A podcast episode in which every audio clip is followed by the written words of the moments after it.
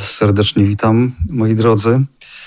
E, tak, e, w ślad za tym powitaniem, ja chciałbym powiedzieć, że to dla mnie wielki zaszczyt, że w ogóle otrzymałem taką propozycję, żeby dzisiaj e, przemawiać z tego miejsca.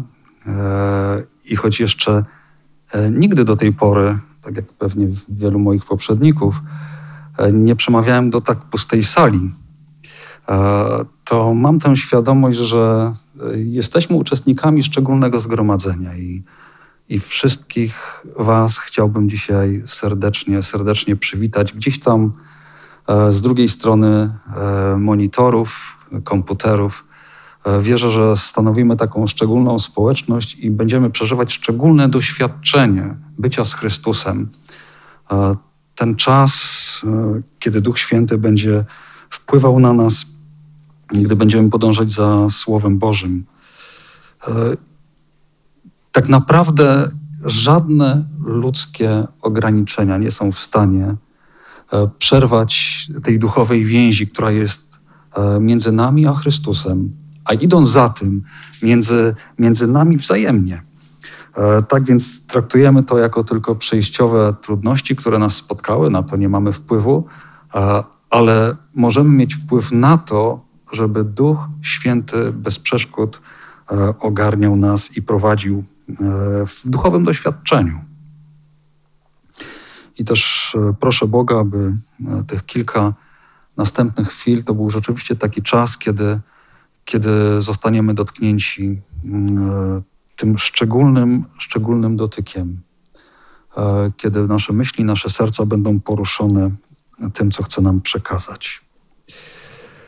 25 kwietnia 1983 roku e, niemiecki tygodnik Stern ogłosił sensacyjną wiadomość. Na specjalnie zwołanej konferencji prasowej, e, międzynarodowej konferencji, ogłoszono, że gazeta jest w posiadaniu 62 tomów pamiętników Adolfa Hitlera. E, rzekome dzienniki gazeta odkupiła za bagatela 10 milionów marek wtedy jeszcze marki były w obrocie w Niemczech, od Gerda Heidemana. Dziennikarz z kolei twierdził, że oryginalne dokumenty otrzymał od tajemniczego doktora Fischera ze wschodnich Niemiec, który e, swoim swo, e, sobie znanym sposobem przemycił je ze wschodnich Niemiec do Niemiec zachodnich. Dokumenty wywołały oczywiście szok E, kilkadziesiąt lat po II wojnie światowej e, tego rodzaju zapiski musiały być naprawdę niezwykle interesujące. E, aby dowieść ich autentyczności, tygodnik poddał je badaniom grafologicznym. Po ich wykonaniu prawdziwość dokumentów uznały największe autorytety, m.in. amerykański historyk Gerard Weinberg, brytyjski biografista Hitlera Hugh Trevor Roper oraz David Irving. Niespełna dwa tygodnie później, więc bardzo szybko, e, okazało się, że było to oszustwo. E, okazało się, że próbki pisma Adolfa Hitlera, które były wykorzystywane, żeby potwierdzić wiarygodność e, owych e, dzienników, były autorstwa tego samego człowieka. E, tak więc po prostu pismo się zgadzało. E, ale głębsze badania e, dowodziły, że nawet papier, z którego korzystano, nie mógł pochodzić z okresu II wojny światowej. Tym bardziej nie mógł być używany przez Adolfa Hitlera do spisywania dzienników. E, kiedy ogłoszono te prawdziwe ekspertyzy, tygodnik Stern natychmiast przerwał przedrukowywanie owych pamiętników przeprosił swoich czytelników i ujawnił, od kogo nabył dzieło. Po przeprowadzonym śledztwie okazało się, że autorem pamiętników był Konrad e, Kujał, znany fałszerz ze Stuttgartu. Autorzy oszustwa zostali skazani na ponad 4 lata więzienia. E, gazeta e, nie odzyskała już no, pieniędzy, które poświęciła na odkupienie tych e, pamiętników. E, no w gruncie rzeczy okazuje się, że były to pamiętniki Konrada Kujał, a nie, Adolfa Hitlera, e, jej wiarygodność spadła, co z kolei mm, odbiło się na sprzedaży gazety. Dalej redaktor naczelny pisma w wyniku afery został zwolniony ze stanowiska. Afera z dziennikami Hitlera, oprócz oczywiście mm, efektu skandalu, oprócz tego, że winne osoby zostały skazane na wyrok więzienia, e, nie przyniosła jakichś daleko idących skutków społecznych, nie wyrządziła nikomu jakiejś wielkiej krzywdy. Ale kiedy mamy na przykład do czynienia z e, oszustwami no, znanymi w naszym środowisku, na wnuczka albo policjanta, okazuje się, że bywa tak, iż ludzie tracą zgromadzone środki, które ciułali przez wiele lat, czasami oszczędności życia, czasami miały być to pieniądze, które miały być odłożone na tak zwaną czarną godzinę. Jedyne oszczędności, jakie ci ludzie mieli, zazwyczaj mówimy o dojrzałych osobach, które ulegają takim oszustom, jest to problem. Ale nie chciałbym oczywiście w dzisiejszym rozważaniu e, poświęcać za wiele czasu na wgłębianie się, analizowanie oszustw, jakie spotykamy na tym świecie. Jest tego pełno i, i sami znacie różne doniesienia tego rodzaju. Ja chciałbym, żebyśmy się zajęli oszustwami, czy podróbkami, czy też falsyfikatami duchowymi. I może taka dygresja na początku tego rozważania, że oszustwa czy zwiedzenia w sferze duchowej mogą być znacznie bardziej daleko idące w swych konsekwencjach E, niż te, których celem jest e, zdobycie pieniędzy, sławy, popularności, czy też w końcu władzy. E, oszustwa duchowe doprowadziły w historii naszego świata do wielu tragicznych, smutnych wydarzeń, choćby nie, nie rozwodząc się nad tym długo, choćby to, co się stało w czasach ciemnego średniowiecza, kiedy mnóstwo, mnóstwo ludzi straciło swoje życie tylko dlatego, że ośmielili się myśleć inaczej. Pan Jezus w Ewangelii Mateusza, to jest zapisane, w 24 rozdziale, coś szczególnego powiedział, co odnosiło się do przyszłości. Ta zapowiedź E, właściwie spełniała się przynajmniej parokrotnie, e, ale ma ogromne znaczenie do, dla, dla, czasów, w których żyjemy. Zresztą 24 czwarty rozdział Ewangelii Mateusza, tak jak pewnie dobrze wiemy, e, dużo miejsca poświęca właśnie naszym dniom. Pan Jezus podaje tam pewne znamiona, które mają poprzedzać Jego powtórne przyjście, a w 11 wersecie 24 rozdziału Mateusza czytamy Jego słowa, które brzmią tak – i powstanie wielu fałszywych proroków i zwiodą wielu. Tak czytamy w Biblii Warszawskiej, w Biblii Tysiąclecia ten tekst brzmi: Powstaną liczni fałszywi prorocy i wielu w błąd wprowadzą. To ostrzeżenie Pana Jezusa pokazuje, że nie mamy do czynienia ze zjawiskiem jakimś marginalnym, że od gdzieś tam pojawił się jakiś duchowy fałszerz i teraz no, powinniśmy na niego uważać, ale to dotyczy zupełnie wyjątkowych sytuacji. Nie. To tak nie jest. E, Chrystus mówił o wielu fałszywych prorokach, o wielu fałszywych nauczycielach. A więc moglibyśmy powiedzieć, że, że mówił o czymś, co będzie pewnym globalnym problemem. E, oczywiście dzisiaj stosunkowo niewielu ludzi jest na tyle odważnych, żeby wprost powiedzieć, że przypisują sobie autorytet proroka. No tak. Ale jakże często zdarza się nam używać słów Pan mi powiedział, albo Duch Święty mi dzisiaj objawił, jeśli ktoś używa tego zwrotu, to właściwie dyskusja się kończy. No bo jeśli Pan powiedział. E, dopóki dotyczy to prywatnego życia tych, którzy wypowiadają te słowa, ich prawo, mogą to robić. Jeśli ci ludzie poniosą jakieś duchowe konsekwencje, poniosą je sami. Kiedy jednak wnioski z tego rodzaju zwrotami e, zaczynają używać do innych, wtedy pojawia się problem. Ale wtedy też ci ludzie powinni być gotowi na zmierzenie się z dwiema rzeczami.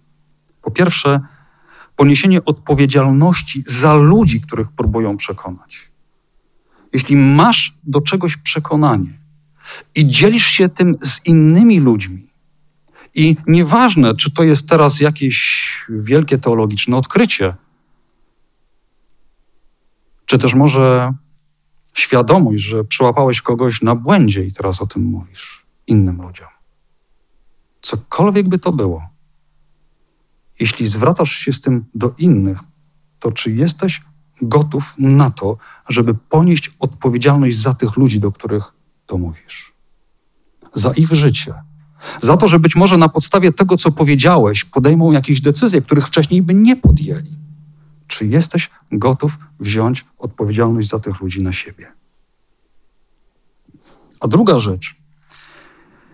Jeśli mówisz, Pan mi powiedział, czy gotów jesteś poddać się biblijnemu sprawdzianowi prawdziwości proroka?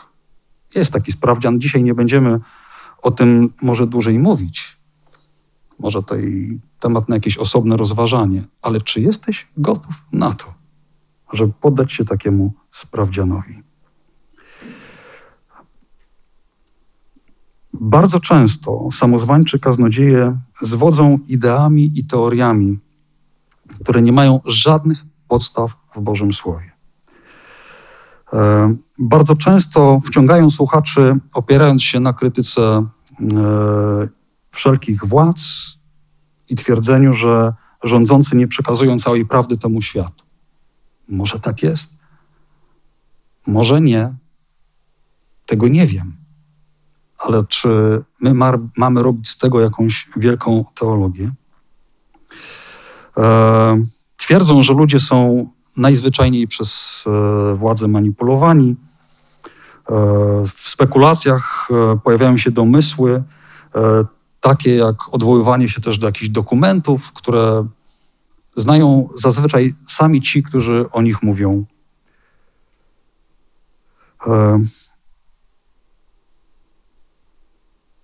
Bardzo łatwo jest uwierzyć, kiedy coś odkryjemy, że jesteśmy prorokiem i odczuwamy wtedy wielką potrzebę, żeby ogłosić to e, światu.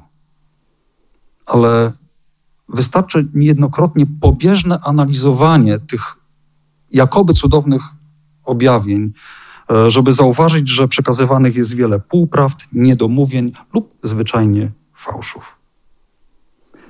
E, pomyślmy przez moment, ile różnych ciekawych doniesień dotarło do nas w ciągu ostatnich kilku tygodni, paru miesięcy, od momentu, kiedy zaczęła się epidemia koronawirusa na świecie. E, gdzieś tam na nasze smartfony, na nasze konta mailowe, w jakichś e, grupach społecznościowych pojawiały się różne ciekawe informacje, które po pobieżnym nawet przeanalizowaniu okazywały się być naprawdę fałszywymi. Mam wrażenie, że niektórzy ludzie, e, niektórym ludziom wydaje się, że nieważne co powiedzą, e, coś do czegoś doszli, co sobie ktoś pomyśli, to jego sprawa. Jest takie powiedzenie: niech się wstydzi ten, kto widzi. Być może spotkaliście się z takimi słowami. I sądzę, że niektórzy ludzie, dzieląc się pewnymi jakoby duchowymi prawdami, właśnie w ten sposób podchodzą do, do tego poselstwa, które przekazują. Ja to tak rozumiem, inni ich sobie rozumią jak chcą, e, są dorosłymi ludźmi, e, sami poniosą e, konsekwencje za swoje wybory. W każdym razie ja nie miałem na myśli tego, co potem ktoś pomyślał sobie na bazie mojego wystąpienia. Jeden z moich przyjaciół przysłał mi, właściwie mojej żonie, e, bardzo ciekawą sentencję, bodajże przedwczoraj.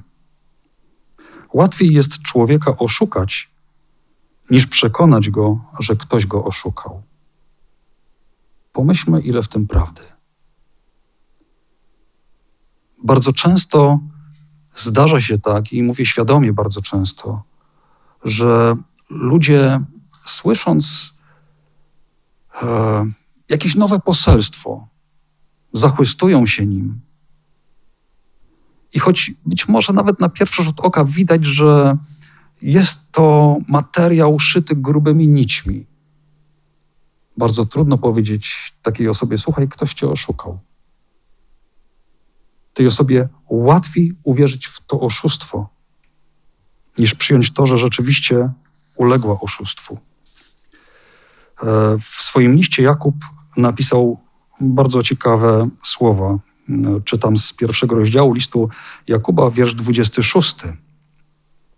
Jeśli ktoś sądzi, że jest pobożny, a nie powściąga języka swego, lecz oszukuje serce swoje, tego pobożność jest bezużyteczna.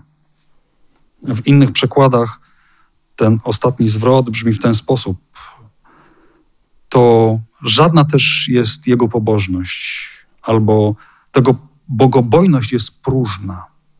A więc, jeśli faktycznie uważasz się za człowieka, który pełni wolę Boga i podąża za Bogiem, to powinieneś brać odpowiedzialność za to, co mówisz. Powinieneś strzec swych ust. Powinieneś zastanawiać się, co inni mogą pomyśleć, a nawet jakie mogą podjąć decyzje na bazie tego, co powiedziałaś. Problem w tym, że e, niektóre osoby po prostu lubią istnieć w przestrzeni publicznej i nieważne to, co powiedzą. Jest nawet taka koncepcja, że e, i na tym w jakiejś mierze bazują też celebryci. Nieważne, co o tobie mówią, ważne, by mówili. I mam takie wrażenie, że są tacy ludzie, którzy e, lubią włożyć w kij w mrowisko, czują się wtedy dobrze, bo spowodowali jakiś zamęt, jakąś dyskusję, ale jednocześnie nie chcą, tak jak wcześniej wspomniałem, wziąć później odpowiedzialności za to, że ten kij w mrowisko został włożony. Czytaliśmy już te słowa parę chwil wcześniej, ale ja pozwolę sobie dzisiaj powtórzyć, dlatego że mają ogromne znaczenie. Myślę o tym, co napisał apostoł Paweł w liście do Efezjan. W czwartym rozdziale on przez pewien czas zastanawia się nad darami duchowymi, e, które pojawiły się w Bożym Zborze i, i mówi o tym, jaki jest cel tych darów. Chciałbym, żebyśmy przypatrzyli się tym słowom ponownie. E, list do Efezjan apostoła Pawła, czwarty rozdział od jedenastego wiersza.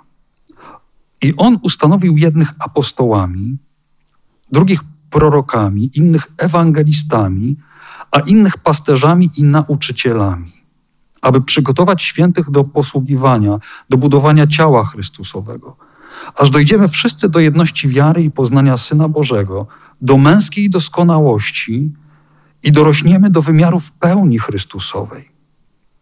Abyśmy już nie byli dziećmi miotanymi i unoszonymi lada wiatrem nauki przez oszustwo ludzkie i przez podstęp prowadzący na bezdroża błędu To ostatnie zdanie jest ciekawe, ciekawie przetłumaczone w Biblii Warszawsko-Praskiej. W ten sposób przestaniemy już być dziećmi unoszonymi przez różne fale i rzuconymi to tu, to tam, byle podmuchem pseudopouczeń wygłaszanych przez ludzi nieuczciwych i przebiegłych w sprowadzaniu innych na manowce fałszu. Tak może nieco od tyłu Wiecie, czasami mam takie wrażenie, że ci fałszywi nauczyciele niejednokrotnie nie zdają sobie sprawy z tego, że innych prowadzą na manowce. Robią to w jakimś wielkim przekonaniu pełnienia woli Bożej. E, niemalże podobnie jak to było w czasach Pana Jezusa, kiedy, kiedy ci, którzy e, wydali rozkaz aresztowania go, a, a potem najgłośniej krzyczeli: Ukrzyżuj go, mieli świadomość, że pełnią wolę Bożą. Czego nas to uczy? Uczy nas to pokory. Bądźmy ostrożni, zanim cokolwiek powiemy w tej przestrzeni publicznej. I nieważne, e, czy moimi słuchaczami będą tylko moi najbliżsi, czy też będzie gdzieś to niesione w eter, tak jak dzisiejsze nabożeństwo. To w tym momencie nie jest ważne. E, zastanawiające dla mnie jest to, że wiele osób, kiedy rozmawia się z nim bezpośrednio, są spokojne i pokorne.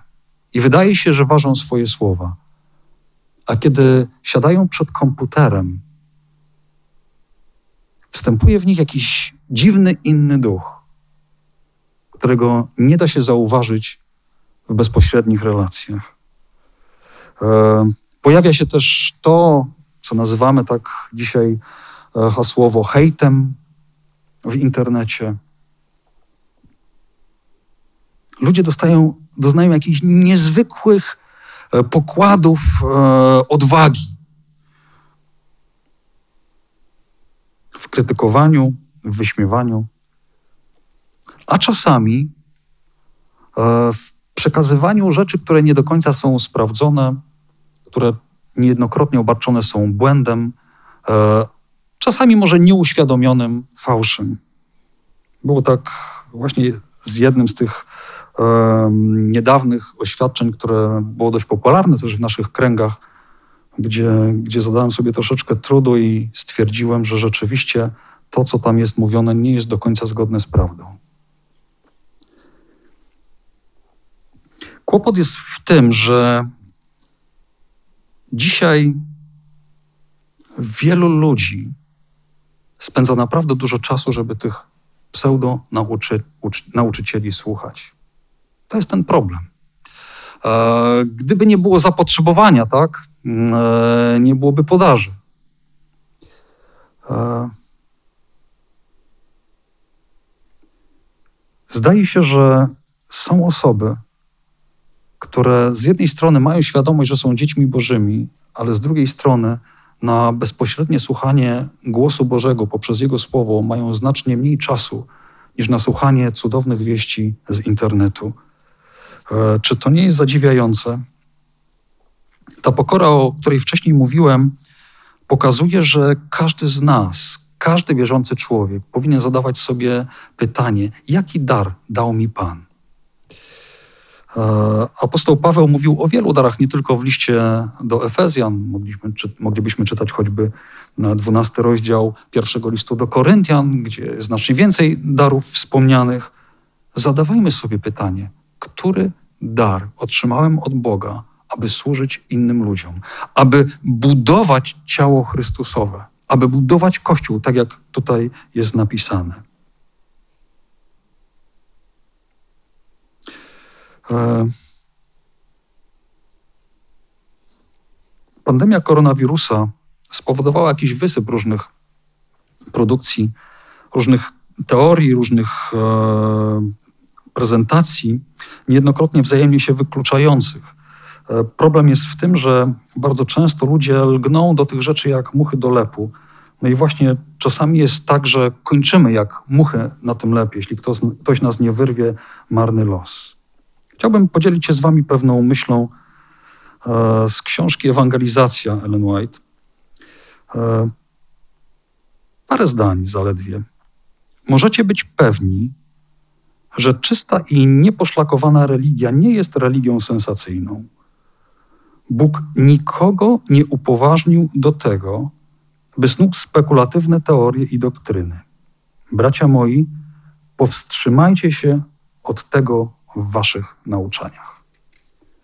E, zauważyliśmy, jak wiele właśnie takich domysłów, spekulacji, nawet e, opartych na naszą ulubioną, na naszej ulubionej księdze z Pisma Świętego, księdze Apokalipsy.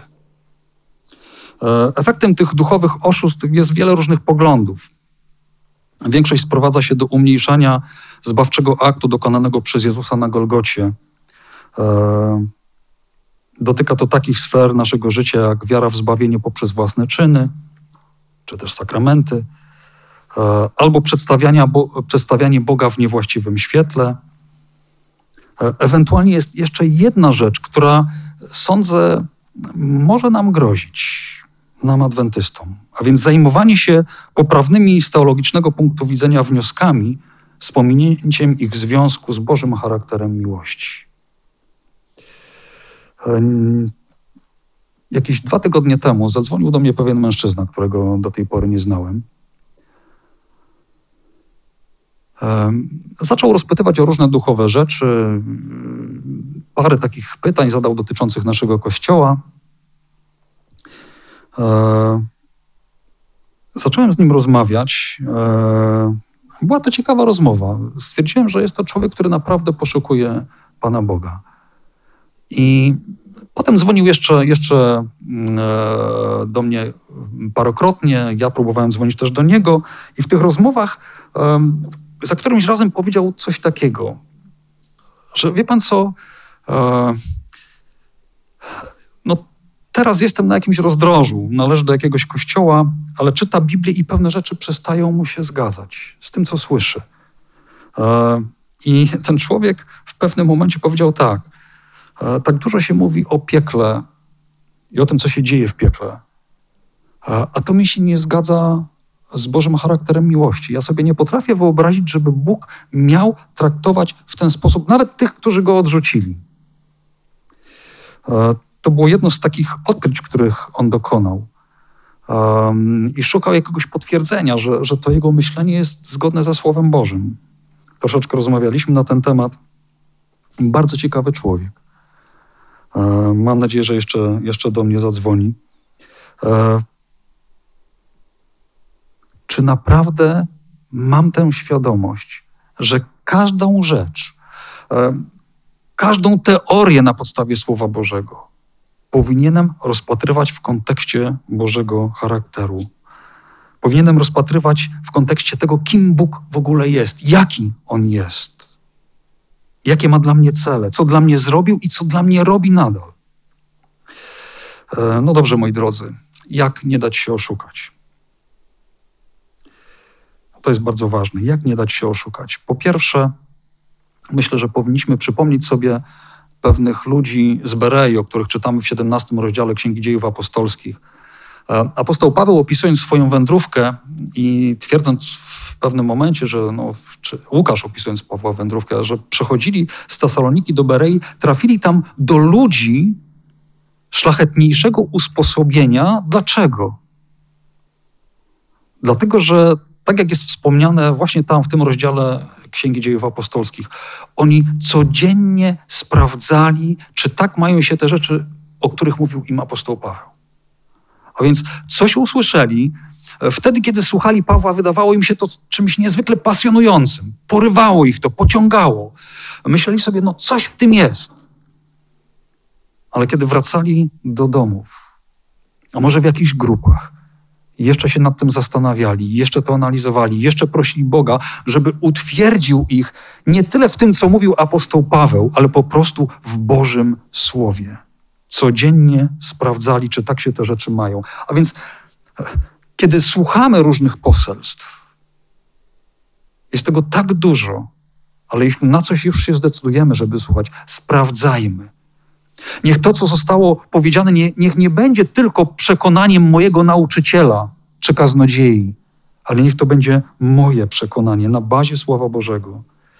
E, wspomniany apostoł Paweł w drugim liście do Tesaloniczan, a więc no do tych ludzi, którzy idąc za tą myślą dziejów apostolskich, może nie, były, nie byli aż tak szlachetnego usposobienia, e, coś tłumaczy w drugim liście do, do Tesaloniczan, w rozdziale drugim, e, w ogóle w tym liście apostoł Paweł sporo pisze na temat czasów końca, ale tam coś szczególnego wyjaśnia. Chciałbym, żebyśmy przeczytali z drugiego rozdziału drugiego listu do Tesaloniczan od dziewiątego wiersza. Czytamy tak, a ów niegodziwiec przyjdzie za sprawą szatana z wszelką mocą wśród znaków i rzekomych cudów i wśród wszelkich podstępnych oszustw wobec tych, którzy mają zginąć, ponieważ nie przyjęli miłości prawdy, która mogła ich zbawić. I dlatego zsyła Bóg na nich ostry obłęd, tak iż wierzą kłamstwu. To ostatnie zdanie w innych przekładach brzmi tak. Dlatego Bóg dopuszcza działane, działanie na nich oszustwa, tak iż wierzą kłamstwu. Albo dlatego właśnie Bóg zezwala, by ulegli oszustwom, by uwierzyli kłamstwu. Dlaczego? Dlaczego Bóg na to zezwala? Dlaczego do tego dopuszcza? Zauważyliśmy? Dlatego, że niektórzy z nas nie przyjęli miłości prawdy. I dochodzimy jakby do, do samego centrum, do tej najważniejszej rzeczy. Przyjęcie miłości prawdy chroni przed kłamstwem.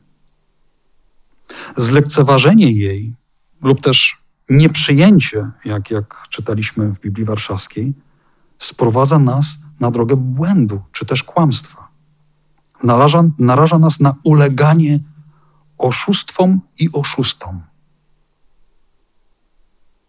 No tak, i tutaj mamy ten problem.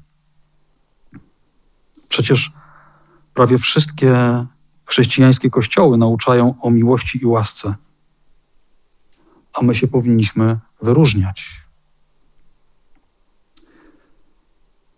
Czy koniecznie musimy wyróżniać się tym, że nie mówimy zbyt wiele o Bożej miłości i łasce? Nie potrafię zrozumieć tej logiki i nie potrafię jej przyjąć, skoro mowa o przyjmowaniu czegoś. Jeszcze raz apostoła Pawła zacytuję, tym razem z listu do Rzymian z drugiego rozdziału on tam nawiązuje właśnie e, do tego w nieco inny sposób, ale bardzo, bardzo przekonujący. W drugim rozdziale, czwartym wersecie listu do Rzymian, Paweł napisał tak. Albo może lekceważysz bogactwo Jego dobroci i cierpliwości i pobłażliwości, nie zważając na to, że dobroć Boża do upamiętania Cię prowadzi? Cóż prowadzi do upamiętania? Boża dobroć, Boża cierpliwość i pobłażliwość są jedyn, jedynymi sposobami na zmianę stylu życia. Boża dobrać, dobroć jest drogą do prawdziwego żalu z powodu grzechu. Nie ma innej drogi. Nie ma innej drogi.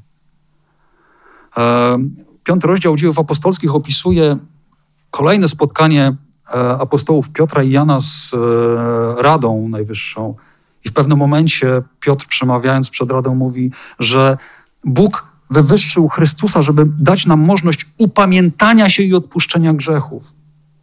A więc Chrystus, czyli e, ta ucieleśniona Boża miłość, jest nam dany po co?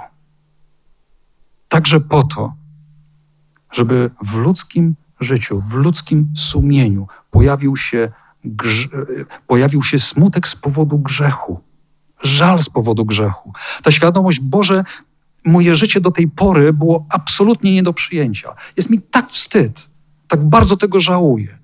Nie, chciał, nie chciałbym, żeby kiedykolwiek coś podobnego pojawiło się w moim życiu.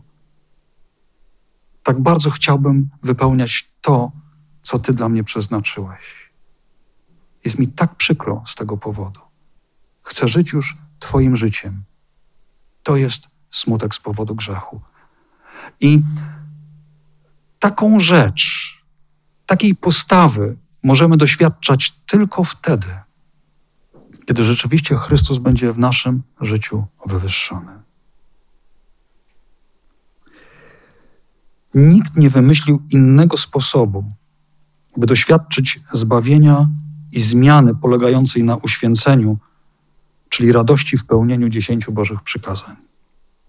Albo moglibyśmy powiedzieć wzrastaniu w pełnieniu woli Pana, albo jeszcze inaczej, kształtowania charakteru na podobieństwo Chrystusowego. Niektórym wydaje się, że, że głośne krytykowanie ludzi i innych denominacji z powodu ich przekonań jest to przemawianie z mocą. Nic podobnego to jest tylko pokrzykiwanie. I choć niektórzy lubią słuchać takich przemówień, to wcale nie oznacza, że Jezus tak chętnie by się do nich przyznał. Trzeba nie tylko wiedzieć, jaki jest fałsz, choć oczywiście jest to istotne, tak? Dzisiaj mówimy o tych oszustwach, które są czasami zwiedzeniem dla chrześcijan. Trzeba nie tylko wiedzieć, jaki jest fałsz, trzeba poznać prawdę. Poznanie fałszu nie oznacza automatycznie poznanie prawdy. Pamiętamy te słowa, które Pan Jezus wypowiedział do Filipa, kiedy ten oczekiwał, że Jezus e, ukaże im coś więcej niż to, co do tej pory. Pan Jezus powiedział do niego: Ja jestem drogą i prawdą, prawdą i życiem. Nikt nie przychodzi do Ojca inaczej, jak tylko przeze mnie. Ja jestem drogą, prawdą i życiem. Nasz Zbawiciel jest ucieleśnieniem prawdy. A więc kiedy, kiedy wybieramy w naszym życiu to, żeby poznawać Chrystusa, to tak naprawdę decydujemy się, żeby poznać to, co pochodzi od Boga, co jest prawdą. Co jest prawdą. E, bardzo łatwo jest nam wzywać do tego, żeby przestrzegać dekalogu, co jest oczywiście absolutnie ważne i nie możemy tego w jakikolwiek najmniejszy sposób zlekceważyć.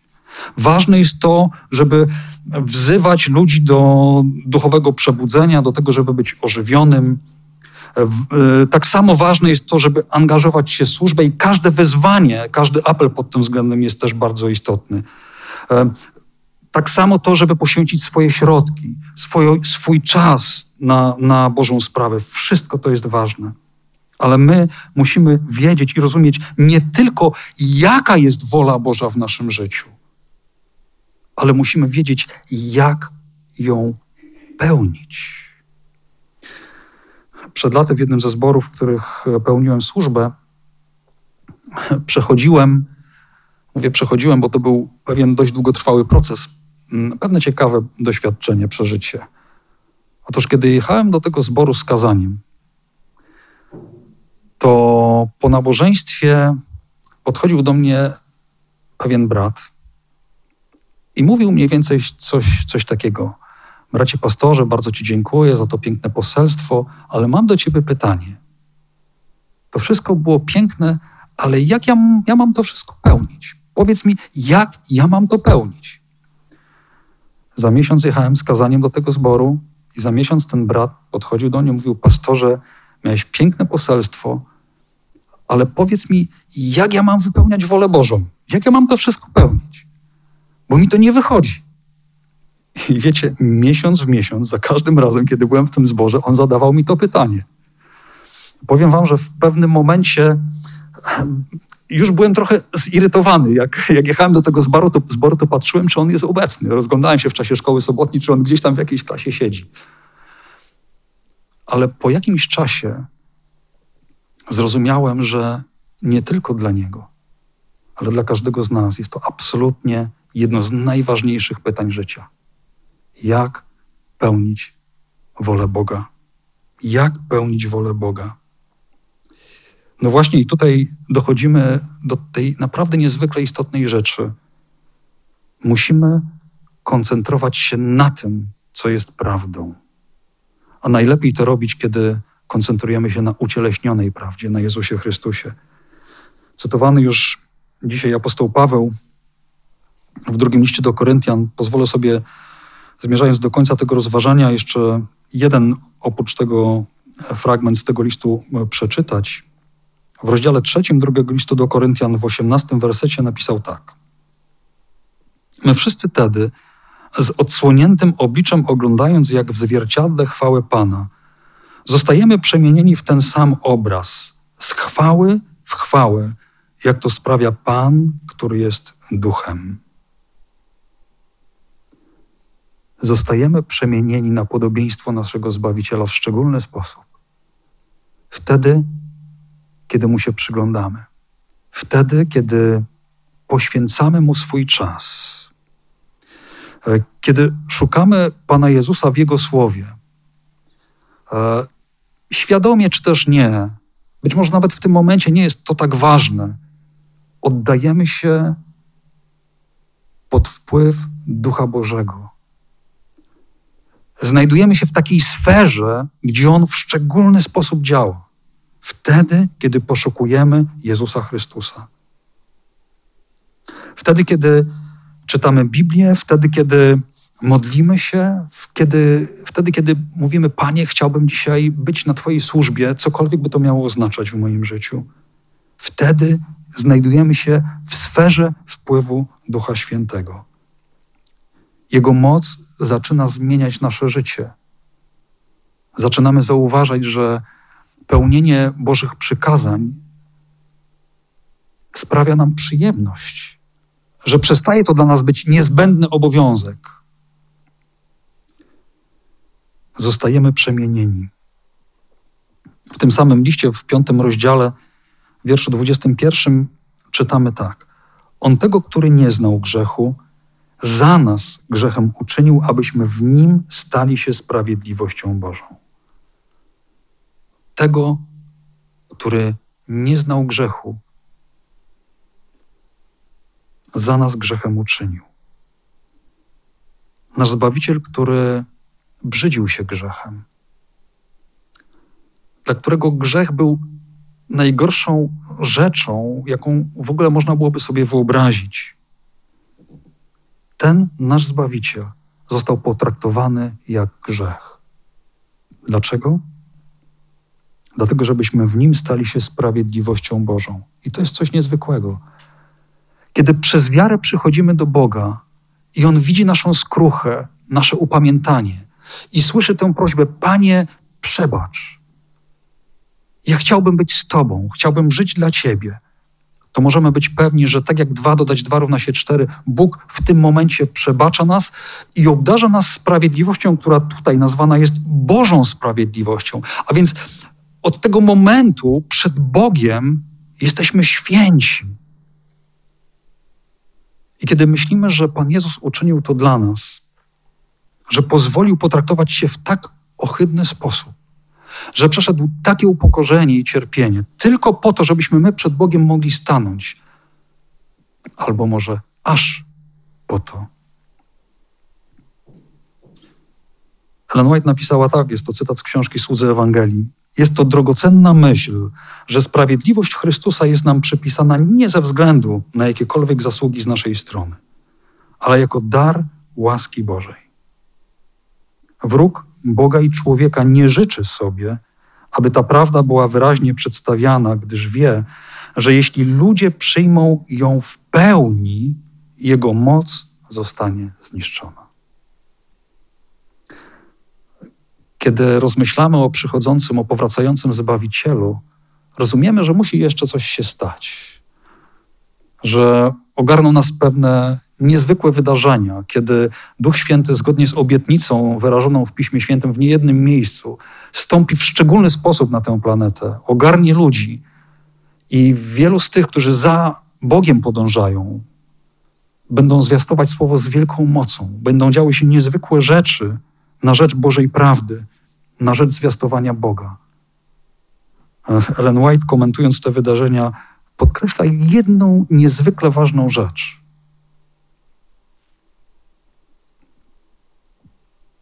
Tym centrum owych wydarzeń, tym swoistym narzędziem, które sprawi, że możemy być wykorzystani przez Ducha Świętego, jest to, kiedy przyjmiemy wiarą to, co uczynił dla nas Pan Jezus. Jeżeli do tej pory raczej akcentowałeś błędy innych, niż zwracałeś uwagę na ofiarę Chrystusa, to czy możesz postanowić, że od tej pory będzie odwrotnie? Czy jesteś gotów koncentrować swoją uwagę nie na fałszu, ale na prawdzie? Jeśli tego do tej pory nie robiłeś w wystarczającej mierze, czy chcesz od dzisiaj więcej czasu poświęcać na rozmowę z Bogiem poprzez modlitwę i studiowanie Jego słowa? Niech Pan Bóg błogosławi każdą dobrą decyzję, która zapadła w naszych sercach dzisiejszego dnia. Amen.